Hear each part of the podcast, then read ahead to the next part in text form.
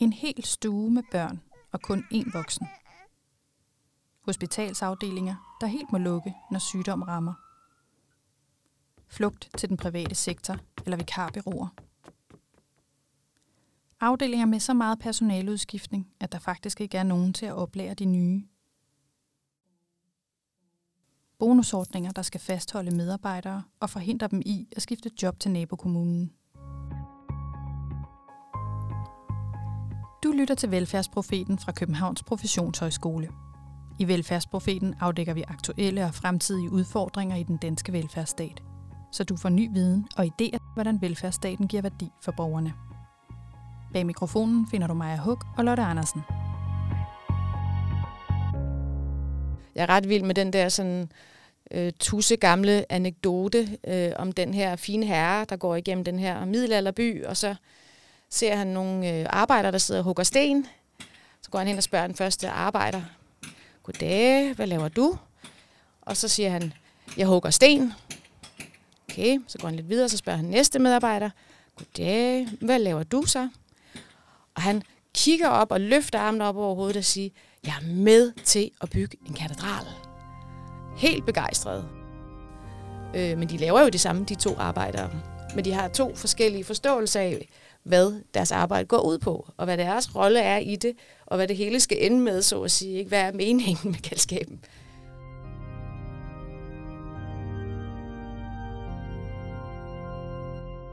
For få år siden blev offentligt ansatte anset for at være en klods om benet, en unødig udgift, som forhindrede udvikling og velstand. I dag er der imidlertid stor efterspørgsel på velfærdsprofessionelle i Danmark. Velfærdsprofessionelle er simpelthen blevet en knap ressource, og det kan ende med at blive et alvorligt samfundsproblem, hvis ikke vi finder en løsning. Det er temaet for dagens udsendelse, hvor vi har besøg af docent Pia Rose Bøvat og chefkonsulent Gunvar Gornitska. Vi skal tale om, hvorfor der trods høj søgning på velfærdsuddannelserne er mangel på arbejdskraft. Hvem der egentlig kan løse problemet, og hvad det betyder for arbejdsmiljøet. Velkommen til, Pia.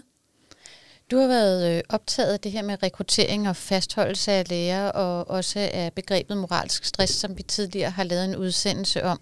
Hvorfor er du egentlig så optaget af det her felt? Jamen, det var egentlig lidt ved en øh, tilfældighed, jeg øh, ramlede ind i feltet, øh, i hvert fald med moralsk stress.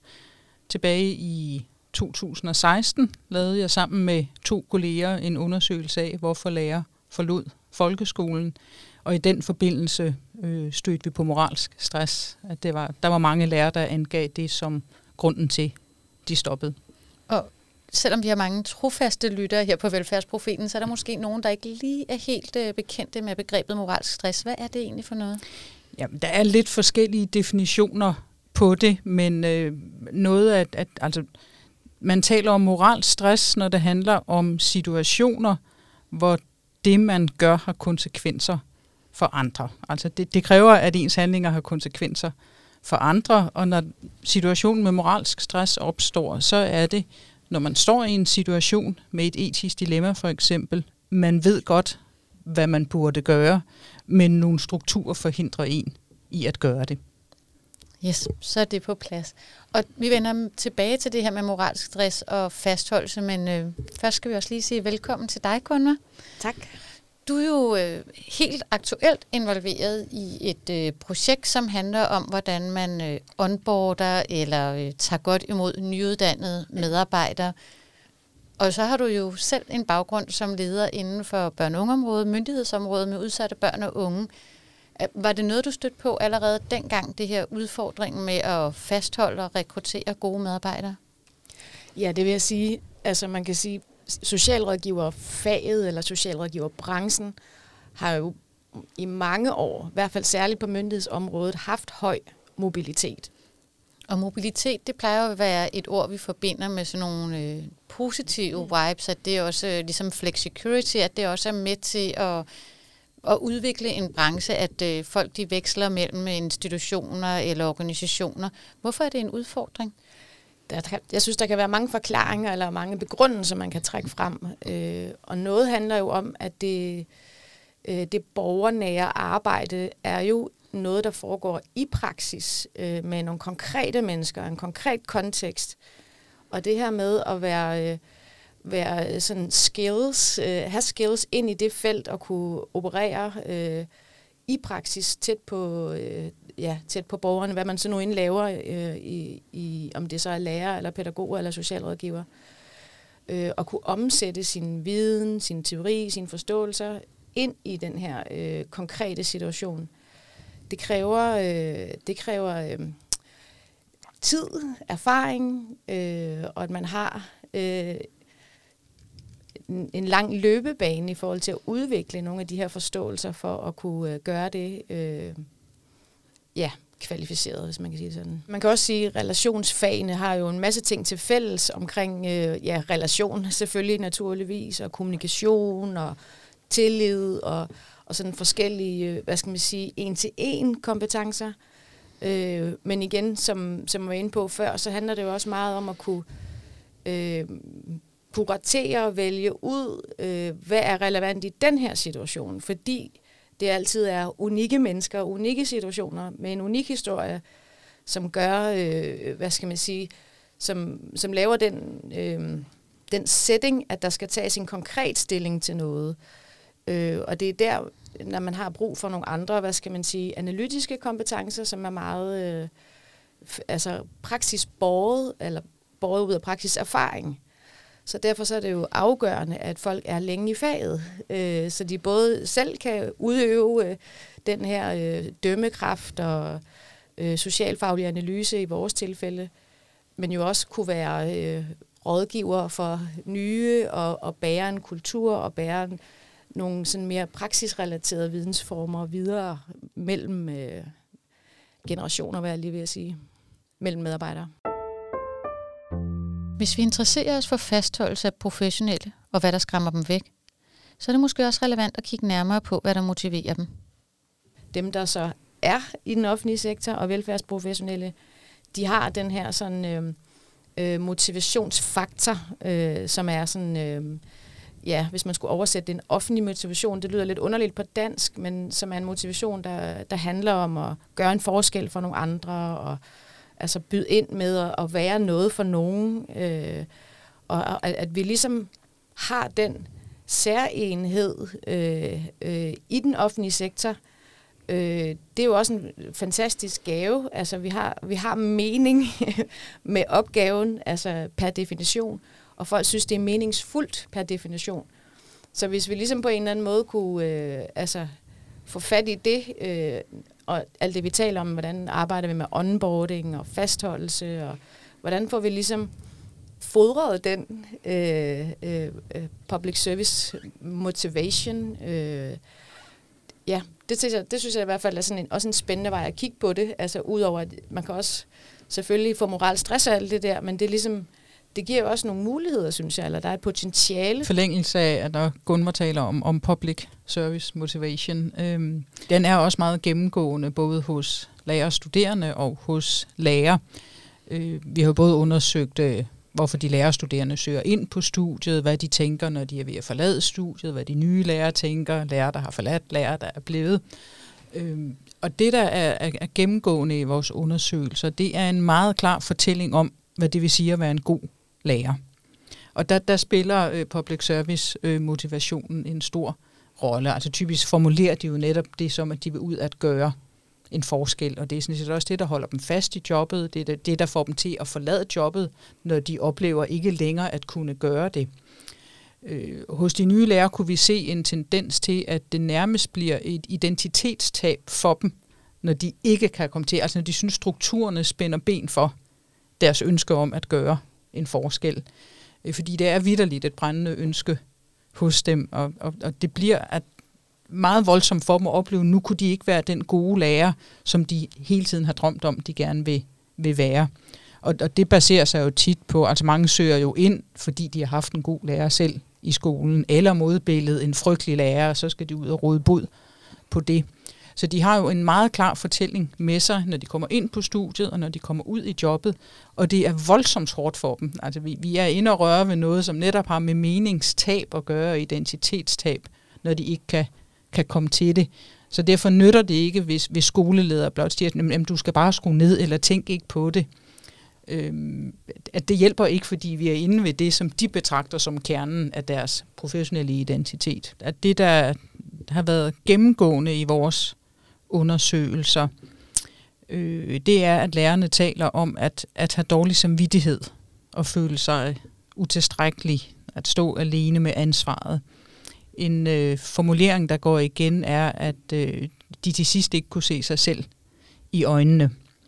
Og, og det er jo altså nogle af de, de konsekvenser ved moralstress, som vi talte om før. Øhm, og det viser jo også et sammenstød mellem deres personlige værdier og de professionelle værdier, der er i jobbet. Og det tror jeg ikke, vi klæder dem godt nok på altid til at stå i den situation. Men det med at stå alene, det har lærerne vel altid gjort. Det er vel noget af det, der kendetegner lærerfaget. Så hvordan kan det være, at det pludselig var vanskeligere for dem at stå alene? Ja, det er et godt spørgsmål, du stiller der, men altså, vi kan se ud fra, altså i 2021 spurgte vi øh, nye lærer, hvad det sværeste var øh, ved at komme ud i jobbet. Og, og, og noget af det, der går igen i svarene, det er oplevelsen af at stå alene. Og, og det kommer bag på dem, hvor stort et ansvar de står med. Jeg tror, det hænger sammen med, at øh, der er kommet langt flere opgaver. Øh, fordi, ja, du har ret i, lærer har altid stået alene og undervist. Men jeg tror, det er kombinationen af alle de opgaver, der kommer oveni. Øh, vi kalder det de usynlige opgaver, fordi det nye lærer typisk fortæller er, at, at de vidste ikke, de opgaver var der. Så, så jeg tror, at, at måske er det, at, at det, at der er kommet så mange opgaver. Nye lærere har ofte en forestilling om, at øh, det, de skal, er at undervise. Og, og det kan man sige, det er jo også deres primære opgave. Men, øh, men det er gennemgående i deres svar, at de bliver overrasket over, hvor mange opgaver, der er ved siden af. Og dem oplever de at stå alene med.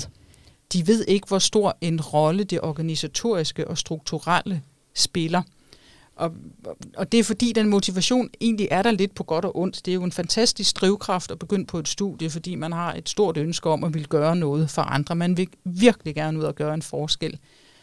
Men vi kan også se ud fra vores undersøgelser, at det kan komme til at spænde ben for nogle ting, fordi der er en, hvad skal jeg sige, en organisatorisk virkelighed, man vælger at se bort fra. De nye lærer siger, øh, mange af de nye lærere siger i deres svar, hvorfor har ingen fortalt os, hvor hårdt det var at komme ud? Og når man står som læreruddanner, tænker man, det er jeg ret sikker på, I har fået at vide mange gange. Så kan vi se vores undersøgelser fra de lærerstuderende, de vil ikke høre om det undervejs. Altså enten siger de, vi gider ikke høre på de der brokkehoveder. De unge lærerstuderende har en meget stærk tro på, at de skal nok klare den så, så kan de sige, at jeg er, er omstillingsparat, eller hvis jeg bare brænder nok for det. Altså de har forskning om, fordi de er så drevet af den motivation, at man vil gøre en forskel, at intet kan slå dem ud. Og så ved vi jo desværre, at, at hver sjette lærer er stoppet inden for fire år, så de kan i den grad blive slået ud af det organisatoriske. Men der er et eller andet interessant der, som, som skal adresseres på en anden måde, fordi de får faktisk et organisatorisk chok. Det her med det organisatoriske chok, er det noget, du kan genkende, Gunnar? Ja, det tænker jeg, det er også meget øh, genkendeligt øh, i, tror jeg, de fleste øh, brancher, men i hvert fald også i socialrådgiverfaget. Øhm, ja, og tænker egentlig mange ting om det. Altså også, nu sidder vi jo her som uddannelsessektor øh, øh, på Københavns Professionshøjskole, og altså, jeg, jeg synes også, der er noget med, at vi også må tage på os, at i et... Øh, forstå mig ret, jeg ved ikke, om vi kalder det postmoderne samfund, eller hvad det hedder nu om dagen, der hvor vi er, i den tid, vi lever, og den modernitet og kompleksitet, øh, der er forbundet med den samtidig, vi lever i, kræver øh, den her bredde af kompetencer for at være velfærdsprofessionel. Og Det er også administrative kompetencer, eller hvad vi nu skal kalde det. Øh, det er ikke kun øh, den gamle kerneopgave, den, den, den nye kerneopgave indeholder nogle flere facetter, øh, og det skal vi jo også på en eller anden måde være bærer af, at det er en helhed, og det er ikke en modsætning. Der er ingen modsætning imellem øh, at, at, at skrive noget ned og, og, og tale, med et, tale med et barn. Altså, der synes jeg, der, der er også et diskursproblem på en eller anden måde, øh, i forhold til, hvordan vi øh, øh, går ind i det her med, hvad er kerneopgaven. Altså det er jo også en helt samtale for sig, og det er heller ikke det, vi sådan har på tapetet i dag, men, men det rører ved noget af det, synes jeg. De klassiske kolde og varme hænder. Ja, men altså, at, at en, en moderne, hvis vi nu siger det, eller fremtiden eller nutidens velfærdsprofessionel, har både kolde og varme hænder. Mm. En af hver, måske. Mm. Vi står over for en udfordring. Forventninger til kerneopgaven inden for velfærdsprofessioner under forandring. Og afstanden mellem egne og andres forventninger til opgavevaretagelsen kan føre til faglig identitetstab, som i sidste ende kan føre til flugt fra faget. Jamen, jeg tænker, vi står med et øh, alvorligt samfundsproblem lige nu i forhold til den mangel på lærer, der er. Øh, det er jo en stor procentdel af lærerne lige nu, der er uden uddannelse. Det er et alvorligt problem for folkeskolen. Øh, så jeg tænker, vi har et, et samfundsproblem, vi bliver nødt til at tage hånd om. Det har jo en stor betydning for øh, børnene, at der er den udskiftning og, og, og, og de mange skift lige nu. Altså rigtig mange børn har jo oplevet utrolig mange lærerskift øh, i kølvandet på reformen og arbejdslov 409. Og, og alle undersøgelser viser, at det her betydning for børnenes øh, altså både faglige udvikling, men bestemt også sociale trivsel. Så, så der er der også en udfordring med, med de mange hyppige skift, men jo altså også en udfordring, at, at det nogen, i nogle kommuner er der op til 30 procent af lærerne, der ikke har en uddannelse. Mm. Og så lige i forhold til fastholdelses øh, problematikken er det jo også vigtigt at sige, at vi skal jo ikke fastholde for enhver pris. Vi skal jo kun fastholde i forhold til, til lærergærningen de dygtige lærere, så man skal også passe på, fordi nu er der lærermangel. Altså man skal også passe på, at man ikke helt forelsker sig i, at nu skal vi for enhver pris fastholde. Sige, Nej, det skal vi ikke. Der er jo nogen, som, som skal glide ud igen, fordi de ikke er kvalificeret nok til det. Så jeg tænker, den er altid lige vigtig også at have med, når vi taler om, om fastholdelse. Selvom vi ikke skal fastholde for enhver pris, er der god grund til at fokusere på fastholdelse af de dygtige fagprofessionelle, som allerede er en knap ressource. Ikke bare for at forhindre medarbejderes flugt fra en institution til en anden, eller for at sikre faglig udvikling, men også for at forhindre, at medarbejderne flygter helt ud af faget, og på den måde sikre flere hænder samlet set.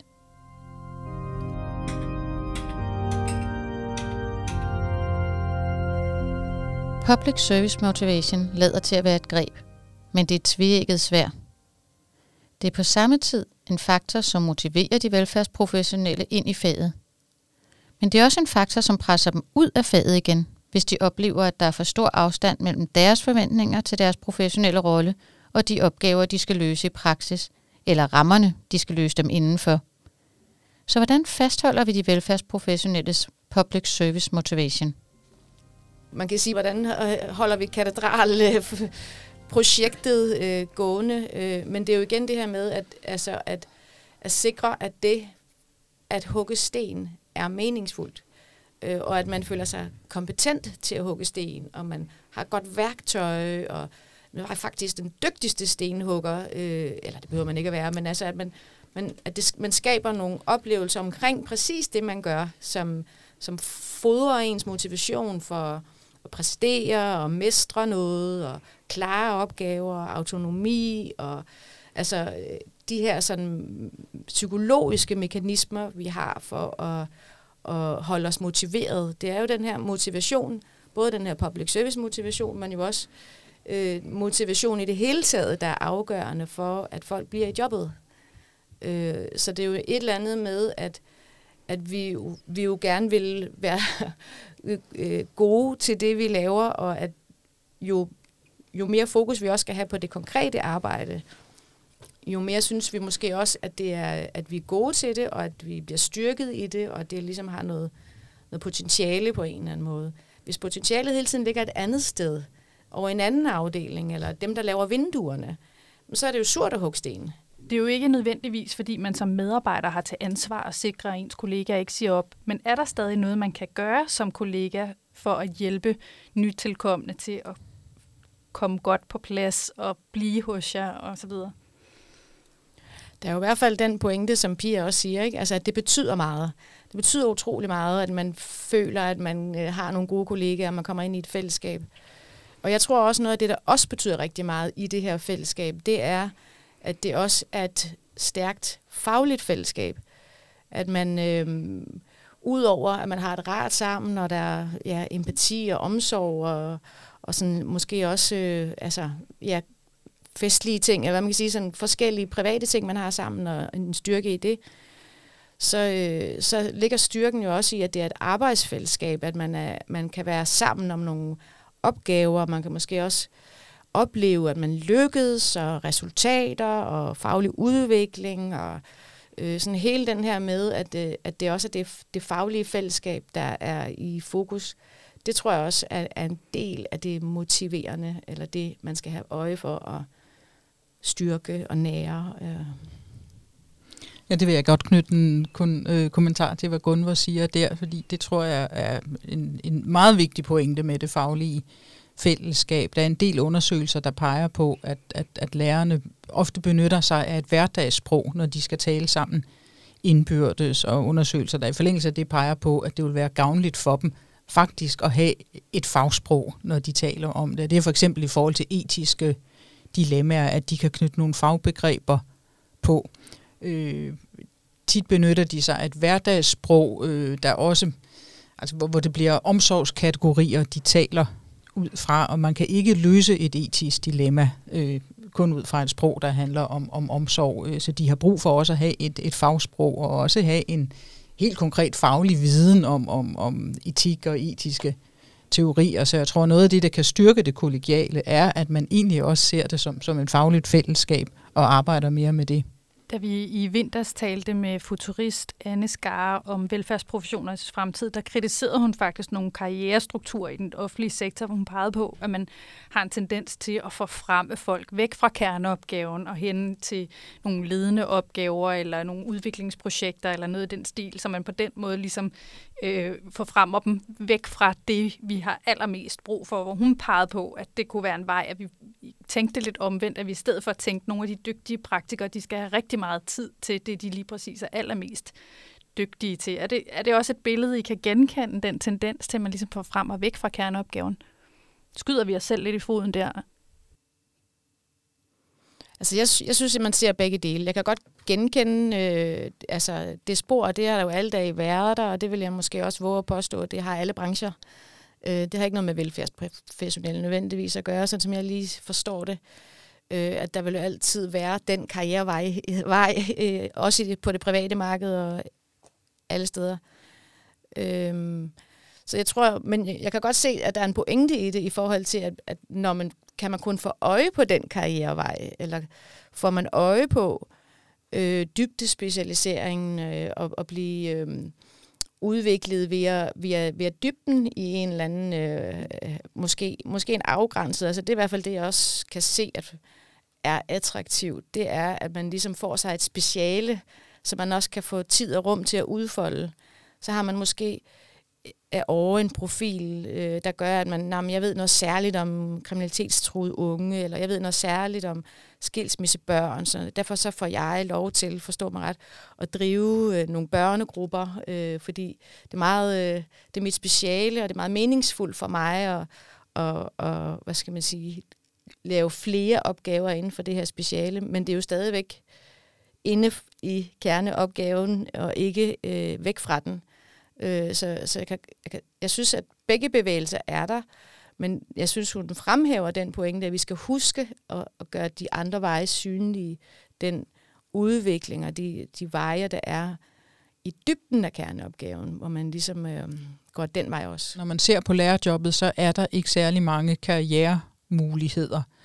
Øh, og der er ikke meget øh, øh mulighed for, for, øh, for efteruddannelse og fordybelse, og det tror jeg er vigtigt. Altså mange, mange lærere efterlyser det med at kunne udvikle sig.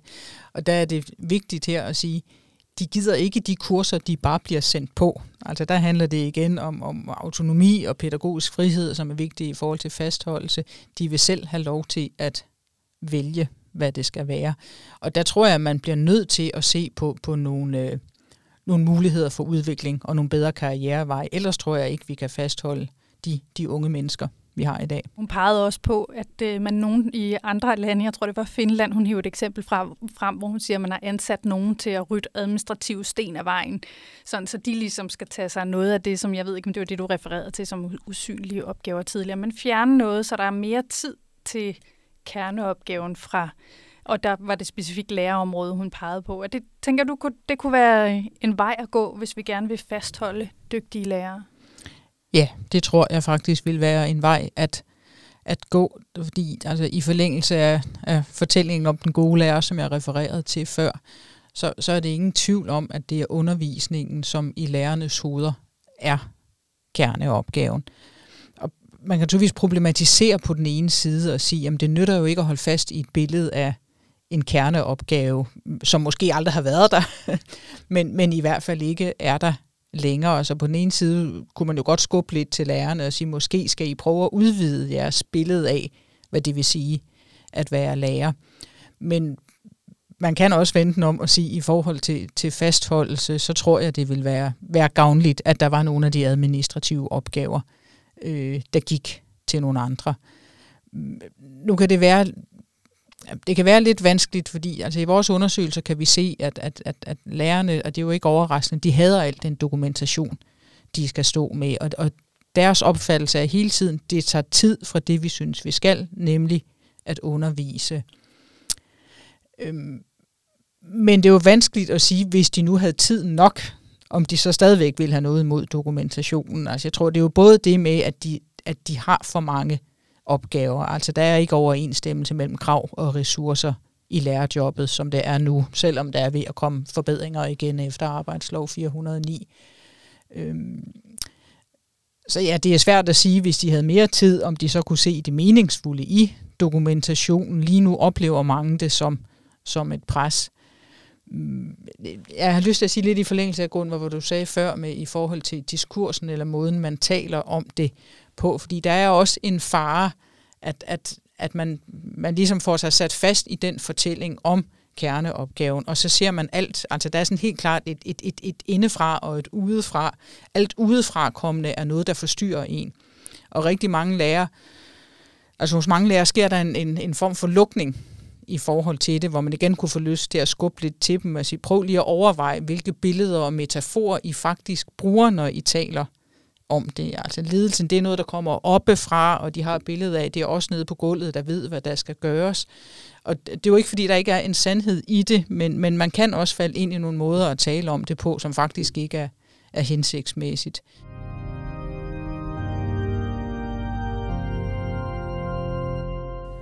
Overgangen fra studerende til praksis er en særlig sårbar periode, som kalder på særlige greb i forhold til onboarding og fastholdelse.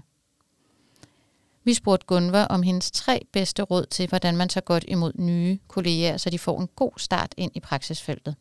Jeg tror, min bedste råd, det er det her med øh, øh, det her omvendte fokus, hvis vi skal kalde det det, øh, hvor vi går fra øh, blik på organisationen til psykologiske behov. Øh, og det er jo så psykologiske behov hos den nyuddannede. Det her med at få taget vare mere på, på den her opstartsfase, som en lidt mere øh, sensibel fase, hvor, hvor det handler meget mere om motivation og identitet og oplevelser og følelser i forhold til opgaven og kollegaerne. Og er det her nu det her sted, hvor jeg kan udleve mine bedste håb og drømme for, for øh, min karriere og sådan. Der er sådan der er nogle andre, øh, hvad skal man sige, pinde, der åbner sig, hvis man ligesom prøve at kigge det den vej rundt. I forhold til, hvad er det, vi skal øh, sikre i, i den her øh, overgangsfase? Hvad er det for nogle overgangsriter? Øh, hvad er det for en ny identitet, der skal styrkes? Og hvad er det for en oplevelse, man har? Øh, hvad er det for en usikkerhed, man står med? Og, og for at tage vare på den, øh, som, som på, på side 1 på en eller anden måde, ikke? Som, som højeste kontekst, øh, i stedet for øh, den her øh, velmenende, men alligevel overvældende mængde af information, man normalt får i hovedet, når man starter som nyansat eller nyuddannet et sted, at det i sig selv ikke er så øh, understøttende for de psykologiske behov. Tværtimod kan det godt faktisk øh, være så overvældende, at man trækker sig øh, på en eller anden måde, eller der sker et eller andet, at man flytter sig fra det job. Øh, så jeg tror, det er meget med egentlig at, at gentænke øh, vinklen på den måde, man tager, tager imod de nye, og så prøver på den måde at, at, at komme i godt fra start på en anden måde. Og så få mikrodoseret alt det, de også skal vide, når det passer øh, ind i øh, en konkret opgave, de skal løse. Og øh, ja, det her, man mikrodoserer øh, viden og regler og proceskrav eller informationer omkring opgaven til, når man skal bruge dem. At man prøver at lave nogle øh, onboarding-strukturer, som handler mere om, en, i, i vores branche, nu skal du have dit første netværksmøde med skolen, for eksempel. Øh, hvordan griber du det an? Hvad er det for en, en viden, metode, tænkning? Hvad er det for en support, du kan få af mig, som måske er med første gang? Og at man ligesom går, man, man skærer det ud fra opgaven, den form for øh, videnspåfyldning, eller hvad man nu skal kalde det, der skal være i en reel, altså i alle oplæringer. Det er der jo selvfølgelig en del af. Men at man hele tiden sørger for, at det, at det er i forbindelse med nogle opgaver, der skal løses. Øh, I stedet for, øh, ja, her har du al viden, og så kan det jo være, at du en dag kan slå op i det, når du skal stå over for en opgave. Der er noget med måden, man tilrettelægger det på. Så det hjælper til, at man måske kan føle sig mere kompetent ud i de konkrete opgaver. Men hvordan, når man sådan, øh, hvad skal man sige det, dekonstruerer arbejdsopgaven, hvordan holder man sig fast i public motivation eller blikket for, hvad er det overordnede mål med min opgave? Ja, og det er jo igen det her med at kunne formidle mening og helhed og fokus på kerneopgaven, altså og hele tiden øh, have det her, den her metatænkning omkring katedralen. Altså, at øh, vi har hele tiden brug for at koble det til en mening og en historie, og, og mm, kan se sig selv udføre en meningsfuld opgave, og så videre, så videre. Så, så vi, vi, vi bliver nødt til, selvom det, det virker øh, sådan, måske, virker sådan lidt dramatisk, men, men det er ligesom den overbygning, der skal på, når vi oplærer øh, og indfører i, i professionen og i, i jobbet, at hvad er meningen med det? Øh, at vi øh, udtaler det og, og får øje på det. Hvorfor skal du ind med din sag på det her visitationsudvalg? Hvorfor skal der ligge de dokumenter? Altså, hvorfor? Er det, har det noget med kvalitet og jura og retssikkerhed at gøre? Det, det er da meget meningsfuldt, men det er jo ikke sikkert, at man ved det, øh, medmindre der er en, der ligesom kobler de her tråde sammen. Så i vores projekt, øh, der har optagetheden meget handlet om at få en tydelig rolleansvarsfordeling. Altså, øh, fordi at det i sig selv er der er, er, er meget nødvendigt. Altså, for der kan jo tit sådan ske det, at øh, ja, øh, det skal vi også have gjort, og vi skal også have ansvar. Det er vigtigt at tage godt imod den nye, og det er også vigtigt, at det hele er klar, og det er også vigtigt, at det, alt muligt er vigtigt. Øh, og, og sådan grænsen for, hvem skal gøre hvad, og øh, øh, hvad, hvad er min rolle som kollega, som mentor, som koordinator, som leder, øh, at det bliver meget tydeligt, hvad, hvad for en opgave man skal løse, eller hvad er rollen øh, ind i det her onboarding-forløb. Og at der er også, forstå mig ret, et team på, øh, så man ikke føler øh, heller som mentor, at man ligesom får sådan en urjuspost, og så er det dig, der skal købe en blomst og sørge for en faglig feedback øh, og tre måneders opfølgning næsten, ikke? Altså, hvis man sådan lige gør det lidt karikeret at det er jo ikke meningen. Altså man skal jo føle, at der er et team rundt om det, og der er en leder, der tager sit træk ind i det, øh, og der er måske nogle ja, administrationer, eller er der nogle andre systemer, der også hjælper til i, i, i den her onboarding-planlægning, der skal køre. Pia har i sin forskning også været optaget af, hvordan man kan hjælpe nyuddannede læger bedre ind i lærerprofessionen forskningen viser, at det hjælper med mentorordninger, at det hjælper med induction-forløb, med det en mente, at det hjælper kun, hvis det er kvalificerede og uddannede mentorer, man sætter på opgaven. Det er ikke bare kollegial sparring og, og hyggesnak ved kaffemaskinen, man har brug for.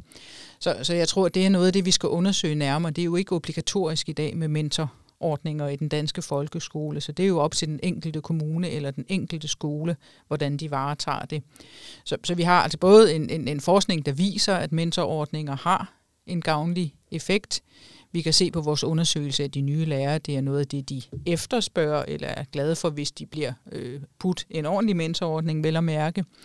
Men jeg tror også i højere grad, at man skal kigge i forhold til uddannelserne på, på det, vi lige nu kalder for outro forløb, og der skal være et langt større samarbejde mellem uddannelserne, altså i forhold til, til læreruddannelsen, mellem læreruddannelsen og folkeskolen, øh, så man både har et autoforløb på læreruddannelsen, men koblet også med obligatoriske induction-forløb i skolen.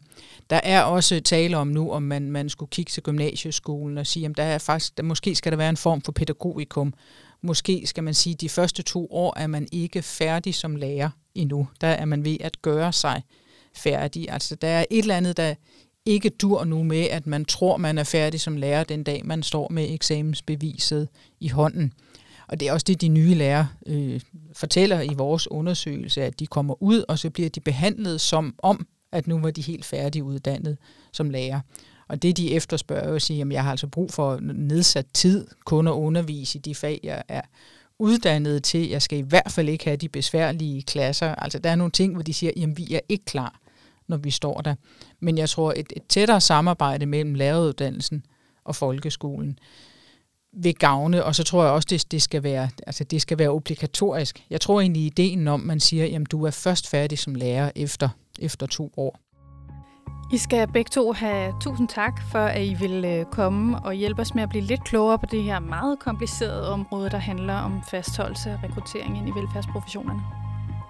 Selv tak, det var meget spændende. Lotte, det er jo faktisk sådan, at vi godt kunne have, have sat dig i interviewpanelet i dag, for øh, du har jo været en del af det samme projekt, øh, som øh, Gunvar har. Og så er du i gang med noget vildt spændende forskning om de kommende generationer inden for øh, det socialfaglige område.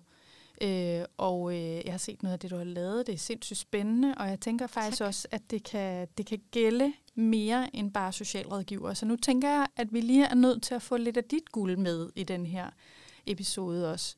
Så, øh, så nu, øh, nu håber jeg, at du vil fortælle os lidt om det her med, hvad der kendetegner de kommende generationer, og hvad vi så skal gøre på den baggrund for at fastholde og rekruttere dem. Ja, men, øh, tusind tak, fordi jeg får lov at være gæst i studiet i dag, Maja. Øh, jeg tror, øh, det forskningsprojekt, du refererer til, det er noget, jeg laver sammen med Mariette Monrad, som er lektor på Aalborg Universitet. Og, jeg, og vi er midt i det. Så jeg tror, mm. at øh, for at være lojal over for hende og for forskningsprojektet, så skulle jeg måske sige, at det, vi, taler om nu, det er mere sådan generelt om de kommende generationer, for det er lidt for tidligt at trække nogle resultater ud af vores forskning endnu. Men, men jeg vil meget gerne tale om, hvad er det, der kendetegner de kommende generationer af velfærdsprofessionelle. Fedt. Det er jo altid, øh, hvad kan man sige, lidt kompleksitetsreducerende, når man taler om en gruppe som sådan en helt ensartet, homogen gruppe. Så jeg tror mere, man kan tale om nogle sådan øh, tidstræk, og jeg tror også, at de kommende øh, velfærdsprofessionelle, de kommer ind med nogle øh, tidstypiske træk, som også vil komme til at påvirke resten af arbejdsstyrken. Men hvis man skulle sådan tale i sådan nogle af de store, øh, grove træk, så kan man sige, at det, der er kendetegnende for de kommende generationer, det er, at de har nogle sådan modsætningsforhold i, i sig, at de øh, på den ene side er sådan fællesskabsorienteret, men de har også et individuelt projekt med sig selv. Mm. Så det behøver ikke at være what's in it for me, men de skal i hvert fald kunne se en mening i det, de laver. Altså, hvad er det for et projekt, jeg føder ind i? Man skal ikke lave noget bare fordi det er sådan, eller fordi man har fået besked på det. det er nødt, man er nødt til, ligesom Gunvar også taler om, at, at få talt den store mening ind, for man har lyst til at engagere sig i en organisation. De er ekstremt ambitiøse, de er meget lærerivrige, så det er også vigtigt, at de kan se, at der er sådan en progression og udviklingsmuligheder for dem ind i fællesskabet. Så der er både det her øh, fællesskabsperspektiv, men så er der også, øh, hvordan kan jeg flytte mig så, som individ, eller øh, som i min personlige karriere. Ikke nødvendigvis, hvordan bliver jeg øh, sygehusdirektør eller socialdirektør. Gunvor, hun taler også om, at man kunne udvikle sig ind i en specialisering, øh, og det tænker jeg, det kan det lige så godt være, men det her med, at man vedvarende ser, hvordan kan jeg udvikle mig ind i den her organisation, så min, den, min forståelse af min egen unikke faglige kerneidentitet får lov at udvikle sig og blomstre. Mm, det giver god mening. Og er der andre vigtige dimensioner for de kommende generationer, vi skal være opmærksom på? Ja, altså øh, så tænker jeg en anden sådan øh, dikotomi eller modsætningsforhold, det er det her, som også kobler sig til deres øh, ambitionsniveau, det er, at de samtidig har sådan en, en høj grad af risikoorientering. Altså de er meget tidligt, fordi de er øh, altså sådan en IT-indfødt generation, så har de meget tidligt øh, fået indblik i øh, verdensudfordringer. Altså for eksempel Greta Thunberg er et godt eksempel. De har sådan en meget øh, høj øh, opmærksomhed på, at ting kan gå galt, og samtidig er de blevet passet meget godt på. og så vi taler også om sådan en curling-generation. Og det gør, at de har høj øh, bevidsthed om, at ting kan gå galt, men de har ikke så mange erfaringer med at få øh, altså løst problemer, når ting går galt. Så det gør, at man godt kan få sådan en øh, lidt overdreven forståelse af, hvad sker der, hvis noget går galt. Og mange velfærdsprofessionelle, de står jo meget tidligt med et stort ansvar. Det kan være, at man er sagsbehandler i en børne- og ungeafdeling. Man står alene med en helt klasse på øh, en udflugt, eller man har weekendvagt som sygeplejerske på et hospital, og måske allerede efter et halvt år eller et år ældste sygeplejerske på gangen med, med patienter, der, øh, der måske øh, er på vippen til at overleve natten over. Så det her med at få bygget nogle sikkerhedsnet op og hjælpe dem til at forstå, hvor er det vores fejlmagen er, at du vil begå fejl, og hvordan får vi ryddet op efter det. Så de både får tilbudt et ansvar, men at man også hjælper dem med at have et, øh, et sikkerhedsnet og faglig støtte bag sig, indtil de føler sig klar til det ansvar, som, øh, som det indebærer. Altså, de er ikke øh, en årlig mus-samtale. Det giver ingen mening for dem, for det er bare ind i en standardiseret struktur. De er meget mere interesseret i, at her er en opgave. Det udfylder den her opgave ind i organisationen, som har denne her mening. Det er derfor, du skal gøre det. Og der er det her udviklingsperspektiv i det for dig. Du får trænet det her. Og vi følger op om en uge, og den, der skal støtte dig undervejs, er Bettina, der sidder inde ved siden af. Så de kender meningen, de ved, hvad deres rolle er inde i organisationen, de kan se, hvad får de selv ud af det, og hvem er mit sikkerhedsnet, og så bagefter få feedback på, hvad gjorde du godt, og hvad kan du gøre bedre til næste gang. Og, og man taler nogle gange om, at ja, de er vant til øh, IT, og de er ikke bekymrede for det, men det betyder ikke nødvendigvis, at de er fødte programmører alle sammen. Så det er også noget med at finde ud af, hvad er det, de digitale kompetencer har givet dem, og den her fornemmelse af at hurtigt kunne søge ind i øh, søge ny viden, eller de er meget forandringsorienteret, fordi man hele tiden for nye øh, apps eller nye øh, mobiltelefoner, men det gør ikke nødvendigvis, at de har sådan en grundlæggende forståelse, men det gør dem i hvert fald mere fleksible, det her med, at man kan altid have telefonen med sig, man er både på arbejde og har fri samtidig. Altså der, der er ikke den her mere sådan traditionelle skældning mellem, at jeg arbejder fra 8 til 4, og så har jeg fri. Det er mere noget med, at øh, man arbejder mere fleksibelt, både som det passer ind i ens eget liv, men også ind i ens arbejdsliv. Men altså, når alt det her er sagt, så vil jeg også gentage, at jeg, jeg tænker, at det er nogle altså, lidt overordnede træk, der kendetegner generationen, men jeg tror også, at de vil inspirere dem, der allerede er derude, til at arbejde på andre måder, eller se deres karriere muligheder på en ny måde, eller ledelsen inspirerer ledelsen til at, at, at handle på en anden måde. Så jeg tænker, at, øh, at der også er nogle virkelig spændende muligheder i det her med, at, altså i forhold til fastholdelse og rekruttering, og have mere fokus på, på hvordan den enkelte bliver en vigtig holdspiller ind i, øh, altså ind i velfærdsstaten, og ikke bare tænke, at den ene sygeplejerske er lige så god som den anden, at vi ikke har den, den her lidt sådan øh, soldatermentalitet, at hvis menig 119 bliver skudt, så sætter vi menig 59 ind i stedet for, men at vi ligesom altså får det her, hvordan, hvordan er du unik ind i situationen? Hvorfor er det lige præcis dig, vi har ansat? Hvorfor er det lige præcis dig, der får den her opgave? Det tænker jeg, det er noget, der er øh, almengyldigt. Det er bare måske nyt, at man forventer, at man kan få det på et arbejde, men jeg tænker, at det er motiverende for alle at se sig selv ind som en unik, vigtig spiller ind i en større organisation. Det er vildt spændende, Lotte. Jeg håber meget, at øh, vi kommer til at lave en podcast om det her, når I er kommet endnu længere i forskningsprojektet. Jeg synes simpelthen, det er så spændende, og virkelig dejligt også at få alle din øh, viden og forskningsprojekter frem i lyset. Så tak for lige at dele lidt af det, Lotte. Ja, og tak for at få lov at være lidt gæst i studiet i dag. Husk, at I finder os på alle jeres øh, favorit podcast-platforme. I skal bare søge på Velfærdsprofeten, og hvis I trykker abonner, så får I automatisk besked, når der kommer et nyt afsnit.